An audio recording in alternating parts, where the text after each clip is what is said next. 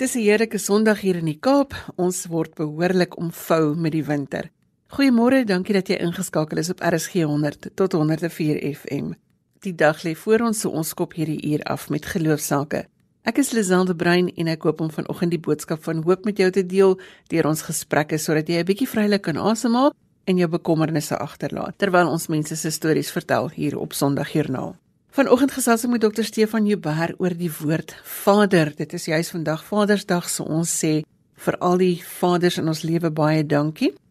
Mike Bernard vertel van Dialogos in George en Dr Ruth Jonas vertel van 'n paar vroue wat gewerk het aan die African Women Devotional Bible en ek gesels ook met Johannes de Villiers oor stil word. Jy kan deelneem aan die gesprekke per SMS en die nommer is 45889. Elke SMS kos jou R1.50. Baie dankie vir al daardie SMS'e wat vir ons sê waarvoor jy dankbaar is. Ons lees hulle elke Sondagoggend. Jy sal ons ook kry op Facebook waar die inligting van ons programme gelaai is, maar jou hoofbron van inligting is RSG se webwerf by rsg.co.za. Trek nader jou koffie en kuier rustig saam met ons. MUZIEK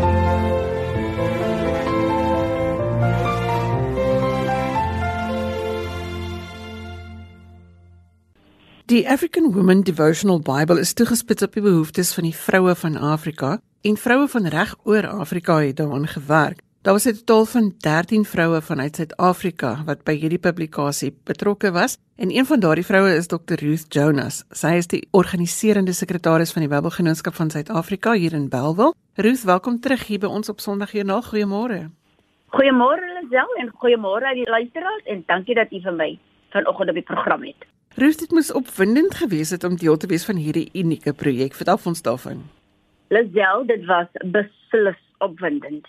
Ek dink hierdie uh saam praat het regtig uit 'n uh, hoek gekom wat ons nie miskien verwag het nie, maar dat die Here so getrou was dat vroue wat gebore is uit die suidelike halfrond van Afrika en die res van Afrika was dit 'n wonderlike voorreg om saam te kon praat, saam te kan skryf, saam te kan lees, saam 'n doel te bereik wat kan sê ek is 'n vrou in die 21ste eeu. Ek is belangrik vir God. Ek kan my gedagtegang as ek die woord lees, dan kan ek my gedagtegang vrye teels gee voor God en sê Here, hier is ek. Ek is 'n vrou dit gee mense geleentheid om saam te gepraat het vanuit 'n gemeenskaplike platform as ook vanuit 'n ander hoek in Afrika. Dit maak die Afrika kontinent soveel kleiner, maar ook naby van die woord van God word gebruik om vroue stemme met mekaar in gesprek te bring. Dink jy julle daarin geslaag om landsgrense en kultuurgrense en ook die taalgrense oor te steek met hierdie met hierdie Bybel? Presies. Ek glo so dat ek eers net eers sê Lazel dat hierdie Bybel bring die stories van vroue uit. En soos elke vrou haar tema gekies het met 'n spesifieke Bybelteks, besef ons dat reg oor die wêreld as vroue se algemene en sosio-ekonomiese probleme dieselfde. Jare gelede het vroue al reeds in gesprek met mekaar getree om dit wat pla te bespreek. Hierdie Bybel praat van vroue se gesprekke wat al dateer uit die verlede en waar vroue stemme gesukkel het om gehoor te word. Hierdie Bybel spreek duidelik dat vroue besef dat hierdie Bybel skep 'n platform om eerlik en opreg om te gaan met hulle storie. Hierdie Bybel maak die Afrika kontinent soveel kleiner as gevolg van die feit dat ons weet dat die dominansie van patriargale stelsel baie vroue ondermyn en vroue gebruik dieselfde woord om uit te kom as gevolg van hulle stories eerlik met mekaar te kan wees en sê dit is so lekker dat ons verskillende Afrika vroue met verskillende tale, verskillende kulture hier saam kan praat bloot uit die woord van God. So word duisende kilometers waar ons van mekaar weg sit, word saamgebind, saamgevat. Harte van vroue wat saam klop, word saamgevat en ons sê maar dit is ons hierdie. Ons leef, ons het bo uitgekom. Ons het 'n gesprek met mekaar. Al ken ons mekaar miskien nie by gesig nie, maar nou kan ons 'n naam by 'n tema plaas en ons kan sê hierdie storie kan ek vergelyk met Sara in die woord met Deborah in die woord met Hagar met watter ander vrou ook want hierdie Bybel skep egter die platform wat vir vroue sê ons behoort aan mekaar. Ek wil net sê Lisel, Engels word hier gebruik as 'n gemeenskaplike taal. Maar die taal van vroue spreek van vrou wees. Ek het nou by per geleentheid gewonder of ek en 'n vrou uit Sudan byvoorbeeld om die tafel sal kan sit en of ek enigiets sal kan bydra. Ons het soveel verskillende omstandighede en soveel verskillende beskouinge van die wêreld. Ek dink ons leef dalk makliker as wat hulle in Sudan het. Voel dit vir jou asof vroue met vroue praat en hulle mekaar se unieke behoeftes regtig kan aanspreek so oor hierdie grense heen? Beslis, Lisel. Ons het amper elke maand of miskien soms elke tweede week is daar 'n um, digitale platform waar vroue praat. En wanneer vroue praat, dan praat hulle spesifiek eers wat is ons omstandighede en wat sê die woord van God. Dit laat 'n mens besef dat as u 'n gesprek met 'n vrou van Sudan praat, of die ding miskien nie die situasie nie miskien letterlik met haar gebeur het nie, maar sy kan vir haar sy kan vergelyk met ek en u se storie. As u vir u sê vir haar sal sê kyk jy so dit is ek Lisel en dit het met my gebeur al. Dan kan sy daarop amen sê sê maar dit met my ook al gebeur. En hoe gaan ons as vroue saam stap? Ons taal mag miskien nie dieselfde wees nie. Ons land mag miskien nie dieselfde wees nie. Maar ons het 'n gemeene deler. En dit is dat dit wat met vroue deesdae gebeur. Ons praat van as ek nou die Engelse term kan goed gebruik as human trafficking. Ehm um, vroue wat mishandel word in hulle huwelike. Vroue wat sukkel om aanvaar te word in die kerk. Vroue wat sukkel om 'n uh, promosie te kry by hulle werk. Vroue wat sukkel met ongelykheid. Dan is ons storie mos dieselfde lesal. En die woord is daar om vir ons te kan sê God is nog steeds in beheer. Wanneer jy jou hoof op jou kussing plaas vannag, watter gedagtes kom daar worstel jy meer en hoe kyk God na jou gedagtes? Wat laat die Heilige Gees in jou gees weer klink of resoneer? En dan sal ek sê hierdie Bybel sê vrou, wat voel jy? Vrou, wat hoor jy? Vrou, wat glo jy? Vrou, wat verstaan jy uit ons gemeenskaplike storie of algemene storie? En dit laat my dink aan toe die engel van Maria gevra het, het jy die boodskap verstaan? So ek glo jy alself. Of ons van watter land is, vroue verstaan mekaar se stories. Vroue verstaan die boodskap van die Bybelse vrou ook in die Bybel. Ruth, as ek op 'n persoonlike noot kan vra, waarvoor is jy dankbaar in die lewe? Lisel, ek is so dankbaar in die lewe dat toe ek in 1996 begin betrokke raak het met vroue se stories met wat gebeur met vroue dan wil ek baie dankie vir die Here sê vandag dat ons vroue het unieke stories ons vroue se stories word van gepraat. Daar's nie meer dat dit ek is bang vir my man of ek is bang vir daardie en daardie en ek moet my storie nou wegsteek nie. Vroue het soveel meer vrymoedigheid om hierdie gemeenskaplike stories met mekaar te kan deel. En waarvoor ek dankbaar is dat uit elkeen se storie het daar verskillende temas uitgekom of verskillende temas uitgebrei. En vandag sit ons met soveel klomp pragtige temas wat ons kan gaan naslaan, dat ons kan gaan na sit en luister aan vroue se lippe hang wanneer 'n vrou sê ek was werkloos. Ek het deur 'n moeilike situasie in my huwelik gegaan. Ek word gewelddadig misbruik in my huwelik. Maar God het my nie vergeet nie en daarvoor is ek dankbaar. Dat vroue stemme nog kan uitkom in hulle seer en kan sê weet hierdie Bybel wat deur vanaf die perspektief van 'n man geskryf is is dieselfde Bybel waar ek gaan blaai het, gaan soek het, gaan rondkrap het en gesien het maar hier het God my storie vir my uitgespel en daarvoor is ek dankbaar dat die woord van God praat met vroue vandag. 'n vrou hoef nie na hoekie te gaan sit nie en sê daar's niks vir my nie. Maar wanneer sy na hoekie gaan sit en sy lees haar Bybel, dan kan sy sê ek het uitgeklim uit my hoekie uit of ek het uitgekom uit my hoekie uit en God het my op 'n voetstuk geplaas. Ek het oorleef. Ek het dit gemaak en dis my dankbaarheid. Dat daar soveel sterk vroue en ek dink ons kan vers, baie vroue, verskillende vroue se name vandag noem wat uitgekom het en gesê het maar ek is vrou en ek voel nog belangrik in die lewe. En ek voel as ek na my eie storie kyk, as ek so dankbaar dat my storie ook eintlik inpas in 'n ander vrou se storie. Dr. Ruth Jonas is die organiserende sekretaris van die Bybelgenootskap van Suid-Afrika hier in Bellville. Ruth, baie dankie vir die saamgesels vanoggend. Baie dankie Lazel en uh, baie dankie vir hierdie geleentheid. Mooi bly. Jy is ingeskakel op RSG 100 tot 104 FM. Ons bring stories met inspirasie, dankbaarheid en hopelik 'n bietjie menslike warmte, so ek hoop ons kan jou inspireer om dankbaar te wees. Gemaak gerus 'n draai op RSG se webblad by rsg.co.za as jy inligting oor ons program wil hê. Ek hoor graag van jou by 45889 teen R1.50 per SMS, dan weet ek ek is nie alleen wakker hierdie tyd van die Sondagoggend nie.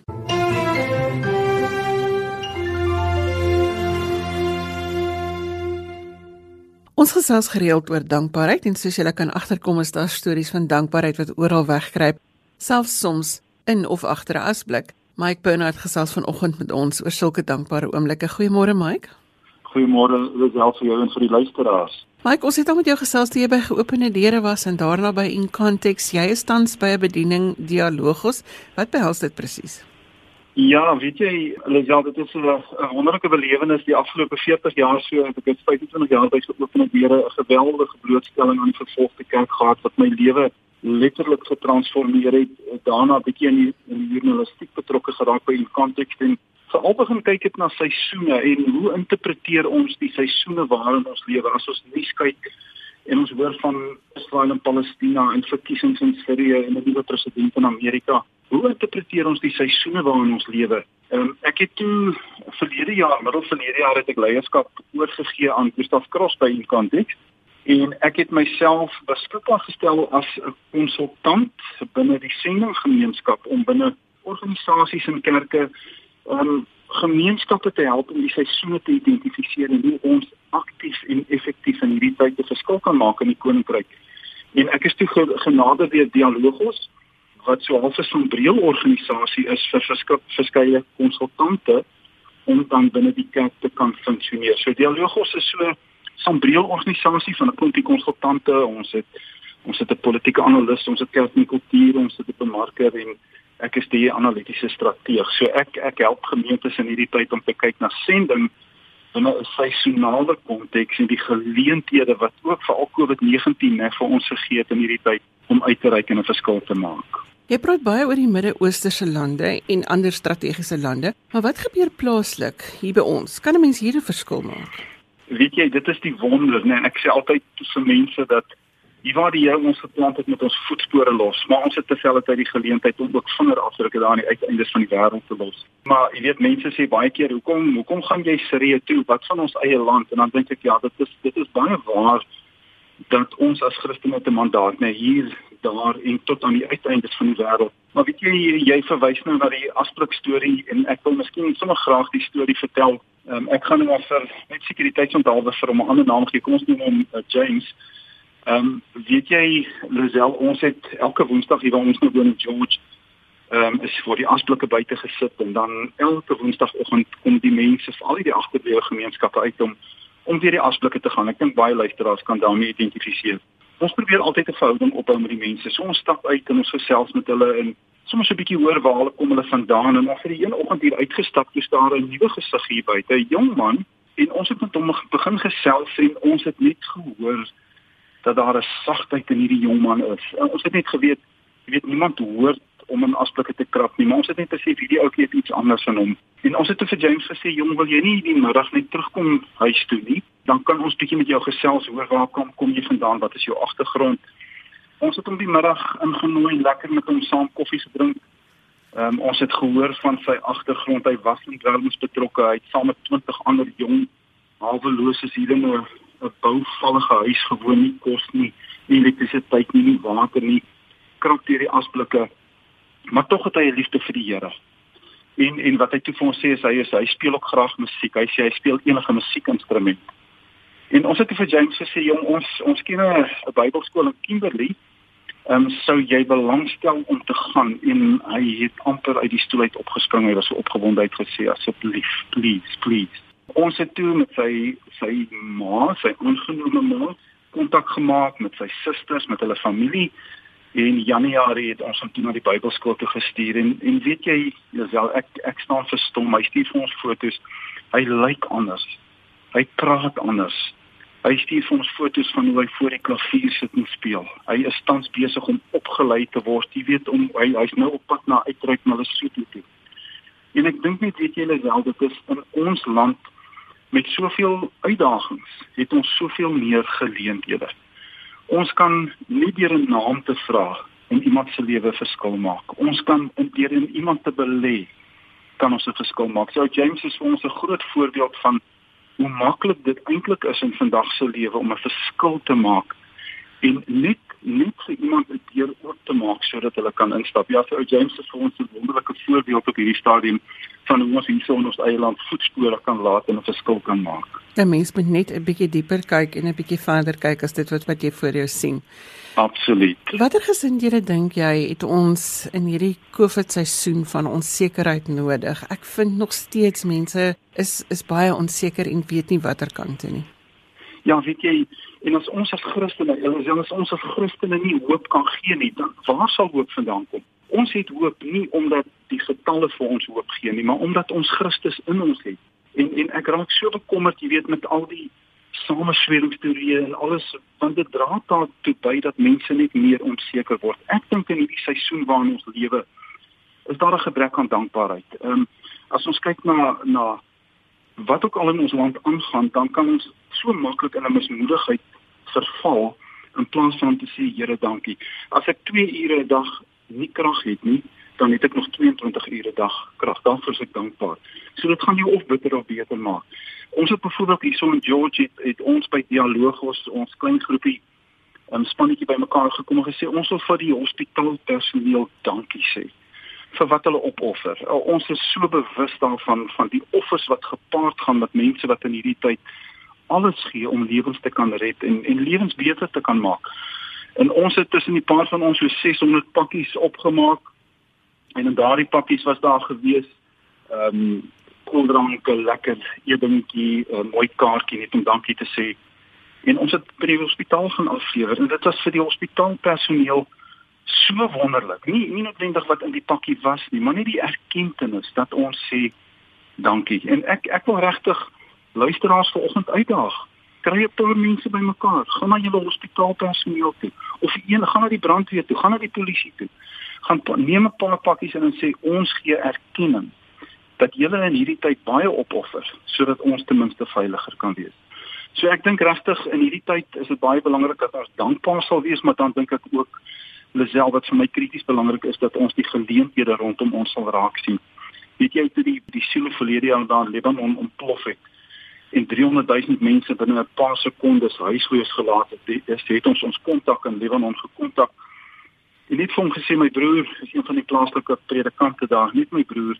Hoe kan ons vir julle bid? En weet julle self sy enigste boodskap vir ons was tussen die trane weer. Hy sê my brother, this is our time. This is our time. Dis ons tyd.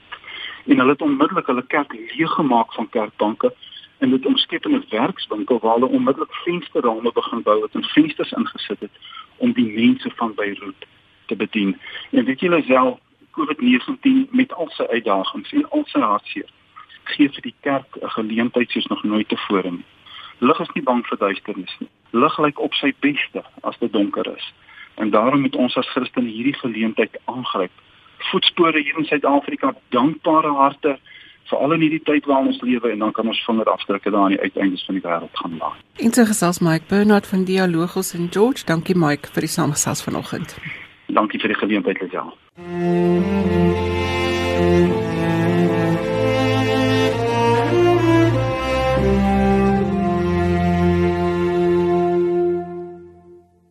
Dr Stefan Joubert is verbonde aan die Ekerk. Hy is ook professor by die Universiteit van die Vrystaat en hy sluit vanoggend by ons aan om te gesels oor die konsep van vaderskap in die Bybel. Maar eers, kom ons sê gelukkige Vadersdag aan al die manne wat so gelukkig is om paas te kan wees. Goeiemôre Stefan. Hallo Lisel, baie lekker om saam te kuier. Moet ek vir jou ook sê gelukkige Vadersdag? Jy kan, dit is 'n groot vreugde. Stefan, die wêreld is besig om vreeslik woke te wees. Ek lees vanoggend dat woke is wel 'n Afrikaanse woord. My kollega Neil sê mense ly aan PSP wat staan vir perpetual self-pity en hy het ook die Afrikaanse afkorting daarvoor dit staan vir ESB of ewigdurende selfbejammering. Maar dis is sommer so 'n kantnota want dit voel vir my die pendulum swaai so verskriklik uit na alle kante toe. Ons gesels vanoggend oor vaderskap. Ek wil vir jou vra, Die konsep van vaderskap vermoed Jesus het die mat onder godsdiens effe rondgeskuif toe hy intiem oor God sy Vader begin gesels het in en Getsemane, is ek reg? Absoluut, Lisel. Weet jy en ek dink ons moet die Bybel op Bybelse eie terme lees en nie met die issues waarmee ons vandag sit ons bril kleur om die Bybel te lees nie. Jesus was baie baie radikaal in 'n sekere sin toe hy gesê het God is Abba daar in Markus 14 as hy in Getsemane worstel. En ek meen dit was so opvallend dat Markus dit helder onthou en dit vir ons beskryf het. Want ja, die Ou Testament het God by geleentheid Vader genoem en dit was nie vreemd vir Israel om God hulle Vader te noem nie. Maar wanneer Jesus in Getsemane intiem persoonlik, maar heilig eerbiedig God Abba noem of Avi sekerlik soos die Arameërs dit sou sê, dan bring hy God op 'n baie unieke naby manier by hom. Want ons weet Joodse disippels het hulle leermeester so genoem onderdane het 'n goeie koning so genoem en nou en dan sou kindertjies maar dit beteken nie pappa soos wat ehm um, baie want die term het ook bestaan want Paulus later in uh, Romeine 8 en Galasiërs 4 noem noem God ook Abba en dan vertaal hy dit met pater, nie met papas nie, want die Grieke het so 'n woord gehad. So dit druk hierdie intimiteit, hierdie nabyheid, hierdie wesenlike hart van God uit. En ek dink dis wat Jesus vir ons oor God wil leer. Hy is naby, groot, hy's heilig, maar hy's ook intiem by ons. Is die woord Vader 'n metafoor of is Vader 'n metafoor? Wat wat beteken 'n ja. metafoor? Ja. Ja, weet jy Lisel, dit is die groot ding om vandag te sê die Bybel praat net metafories oor God. Inderdaad, 'n metafoor is meer as 'n vergelyking. Ons almal weet as ek sê persoon X is 'n wolf, dan is dit 'n metafoor. En verseker praat die Bybel net oor metafore, maar dit beteken nie God is onkenbaar nie of dat enige metafoor maar reg is nie. Ek bedoel net 'n voorbeeld as ek nou sal sê persoon X is 'n wolf. En almal ken persoon X en al my vriende kom en sê Stefan ek hoor jy sê persoon X is 'n wolf maar jy's verkeerd hy's 'n lammetjie. Ons almal ken dan is die metafoor vals. So inderdaad is daar metafore vir God. Jesus sê ehm um, hy self is die brood hy's die lig hy is lewe. Maar konsekwent noem hy God Vader. En 121 keer actually in die Johannes Evangelie noem Jesus God Vader. En vir my persoonlik die mooiste, weet jy, is daar in Johannes 16 vers 25. Dan sê Jesus van nou af gaan ek nie, dan gaan 'n tyd aanbreek dat ek nie meer in beeldspraak of in in gelykenisse gaan praat met julle oor God nie maar dan gaan jy hom as Vader ken. So dit klink vir my Vader is die essensie van die essensie van die essensie. En dis nie 'n geslagsgeoriënteerde term nie. Dis wie God is, dis sy naam. As Johannes 121 keer God Vader noem en die naam God Theos net 83 keer voorkom, dan is dit wie God is. Dan is dit 'n metafoor en 'n ontologiese uitspraak. Met ander woorde, dis wie God is. Hy is ons Vader. Hoe tree God as hierdie goeie Vader op in die Bybel? Kan is ja. kan ons dit vasstel? Ja, goeie vraag. Uh dit dit is duidelik in die Ou Testament dat God die een is wat lewe gee. Daarom tree hy ook soos 'n moeder, hy versorg, hy barensnood, maar maar as Vader gee God lewe. Hy gee nuwe lewe, hy sorg, hy tel die hare op ons kop. En dis veral Jesus in die Johannes Evangelie wat vir ons oor en oor vertel hoe hy van die Vader afkom, dat hy die Vader 'n groot huis het en toe Jesus agtergekom, daar's nog baie plek. En hy het na ons toe gekom om hierdie Vader aan ons bekend te stel, om lewe met ons te deel. Daarom noem hy homself die Seun en hy kom wys die Vader se hart. En die Vader het lewe en hy deel hierdie lewe met Jesus en met elkeen met wie Jesus dit deel. En hy het die mag om te oordeel, maar nou gee hy dit vir Jesus en nou sê Jesus hy kom om die oordeel dood te blaas. En Jesus in Johannes 17 nooi ons in hierdie diep verhouding tussen die Vader en die Seun in. Jesus sê hy stuur die Gees of die voorspraak of die helper en hy sal ons help om deel te word van hierdie diep intieme verhouding tussen die Vader en die Seun. So dit lyk vir my asof die uh, God as Vader hierdie groot versorger, hierdie een is wat lewe gee, hierdie een is wat ons almal liefhet baie plek het in sy hart en as ons na Jesus kyk, dan leer ons iets van die hart van hierdie Vader ken. Dit is Jesus wat kom dien, wat kom voete was, wat sê as wanneer uh, sy disippels hom in Johannes 14 vra, "Wys ons net die Vader." Dan sê Jesus, "As julle my gesien het, wat my werke, wie ek is, dit wys presies wie God is."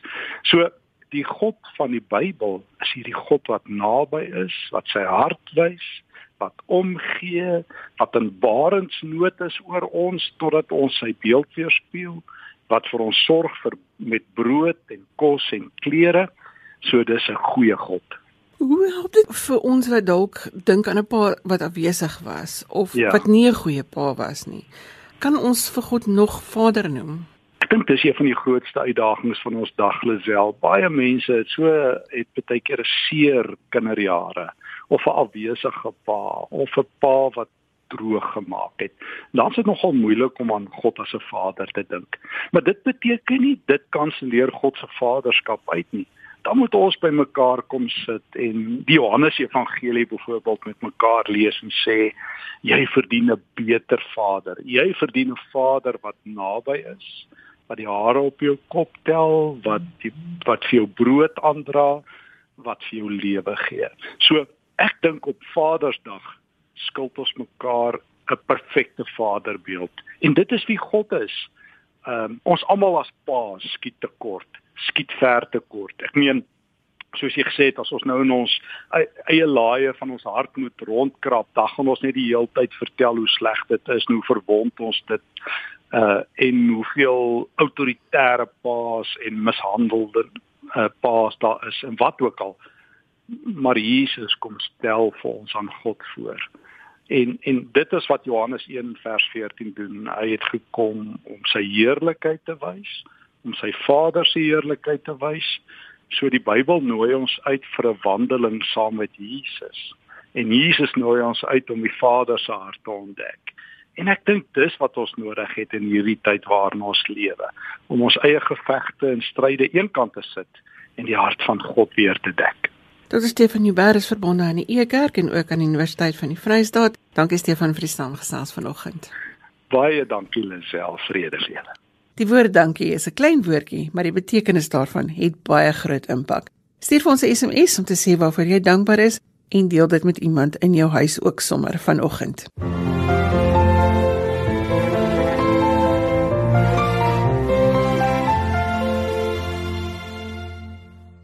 Ons het 'n maand wat gelede met Johannes de Villiers gesels oor dankbaarheid en vanoggend wil ek stil staan by die konsep van stil word. Die Engelse woord waar ek wil uitkom is mindfulness, met ander woorde om bewus te wees van die dinge wat om jou gebeur.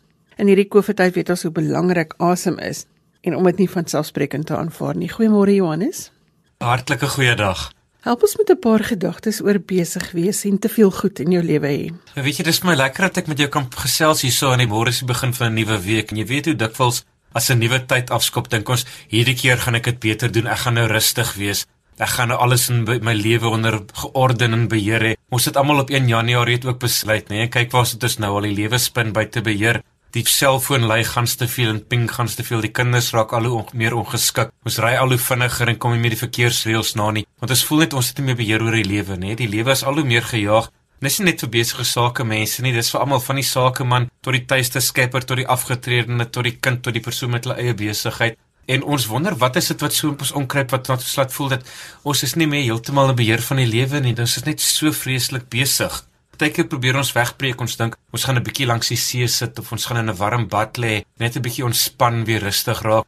Almal het al oorgekom, net dan gesit jy langs die see of op 'n koppie en plek sit jy rustig is en na die branders kyk, sit jy net in jou kop en jy beklei nog steeds met die mense van die werk en jy sit net en dink hoe kwaad jy is vir die kinders of vir jou lewensmaat en so aan. So ons begin te leer later dat die probleem is nie net sodanig dat die lewe rondom ons te besig is en buite beheer is nie, maar tot die binnekant ons is ons bietjie te besig. Net die ou mense het mos gesê jou kop raas as jy te besig is en meeste van die tyd kom ons agter ons almal se kop raas so bietjie. Ons moet leer om net bietjie nie net die lewe buitekant ons stil te maak nie, maar is daar tegnieke en is daar dinge wat ons kan doen om onsself net 'n bietjie tot bedaring te bring sodat ons kan sien, jy weet daar is nog iets mooi in elke oomblik en daar is nog heeltyd iets om voor dankbaar te wees om om aan aandag te gee. So jy sal nogal steeds daar hoor nee, mense praat van 'n ding aan noem hulle dit mindfulness op Engels. Afrikaans praat hulle van bewustelikheid of ou mense gepraat van die teenwoordigheid van gees. En dit is om iets van jouself na elke oomblik toe te bring en nie net in hierdie geraas in jou kop te verdwaal en te sit en nog te beklei in jou gedagtes met die mense wat jy van gister kwaad af is of nou al heeltemal opgestres te raak oor wat volgende week gaan gebeur nie, maar net die oomblik te sit en te sê wat is daar in die oomblik wat ek kan voel, wat ek kan hoor en wat ek kan sien wat my 'n bietjie uit my gedagtes gaan bring en gaan terugkom in my omstandighede sodat ek net 'n bietjie kan in die oomblik in bedaar. Jy weet, want gewoonlik op enige oomblik daar waar jy nou voor die radio is, As jy net 'n bietjie jou gedagtes sal net net die pause knoppie druk vir so 'n paar oomblikke, net gou oë oopmaak rondom jou kyk, is jy verstommende ding, daar is waarskynlik iets spesiaal in die oomblik. Ek meen dalk is dit net gewoon die die die vreugde om in jou in jou rusbank of in jou motor se sitplek of iets te kan sit wat jou eie plekkie is, jy weet. Dalk is dit koffie. Ja, die geur van koffie. Eh, dalk 'n familielid wat wat tog ook 'n goeie sye daar ergens naby jou. Jy weet, mense praat deesdae baie van dankbaarheid ook as 'n poort in bewustelikheid in. Jy weet om dankbaarheid in te oefen om terug in jou lewe te kom. En dan sal hulle seker goed sê soos hou 'n dankbaarheid joernaal en dink aan die einde van elke dag oor 5 goed om voor dankbaar te wees. Maar verbeel jou as jy nie tot die einde van die dag hoef te wag nie maar nou in hierdie oomblik net kan stil sit en kan sê nie wat moet ek dink om oor dankbaar te wees nie maar wat kan ek voel met my vyf sintuie wat ek voor dankbaar is? Wat voel ek nou? Wat hoor ek nou?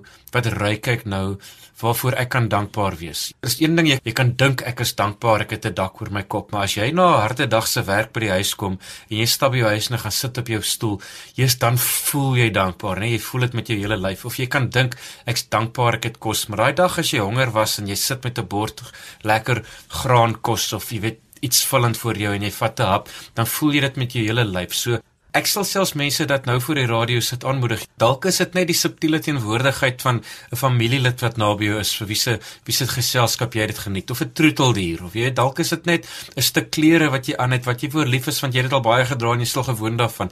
Klein goedjies om voor dankbaar te wees maar jy moet teenwoordig wees. As jy nou nog in jou kop sit en jy beklei met die persoon met wie jy gister vasgehak het of jy sit nou al in stres oor die werk of jy dink nou oor wat gaan oor 5 jaar in die landpolitiek gebeur dan dan verloor jy iets van van hierdie oomblik en wat spesiaal is in elke oomblik Ek gesels gereeld met mense en sê hulle moet asemhaal. Dan sê hulle vir my maar hulle haal asem, maar min mense weet hoe min hulle asemhaal. Hoe min ja. hulle diep asemhaal, hoe min hulle daai lug in die longe intrek bewustelik, want daar gebeur iets met jou as jy asemhaal. Ja, daar's een ding om asem te haal, dis 'n ander ding om asem te haal en te weet dat jy asemhaal, nê? Nee? Ons as jy daaraan dink Elke keer wat jy uitasem, hey, weet jy nie of jy weer gaan inasem nie. Eendag in jou lewe gaan jy eendag uitasem en nie weer inasem nie en dit kan enige tyd gebeur en elke inasem is amper 'n geskenk van die hele die hele omgewing rondom jou wat hierdie asem vir jou teruggee, né? Nee, en dink hoeveel goed moes in jou lewe gebeur het waarvoor jy kan dankbaar wees om jou hier te bring na die oomblik wat jy het om voor asem te haal. Iemand moes die pad gebou het waar langs jy gekom het om hier te wees. Iemand moes hierdie huis aan mekaar gesit het waar jy sit.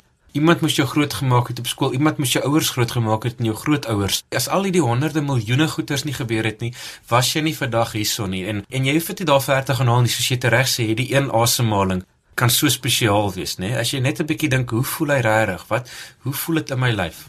Dink jy as ons al hierdie bewustelike gedoen dat dit ons verhoudings met ons medemens, die een wat nou langs jou sit of die een wat jy nou nog gaan ontmoet, dat dit ons verhoudings met daai mense kan verbeter. Ja, en ek meen niemand sit in die oggend in hulle bed oprent en dink ek wil vandag met almal beklei met niemand oor die weg kom nie. Nee, almal wil eintlik maar iemand wees as jy wat nou hierso luister oor die radio by jouself dink.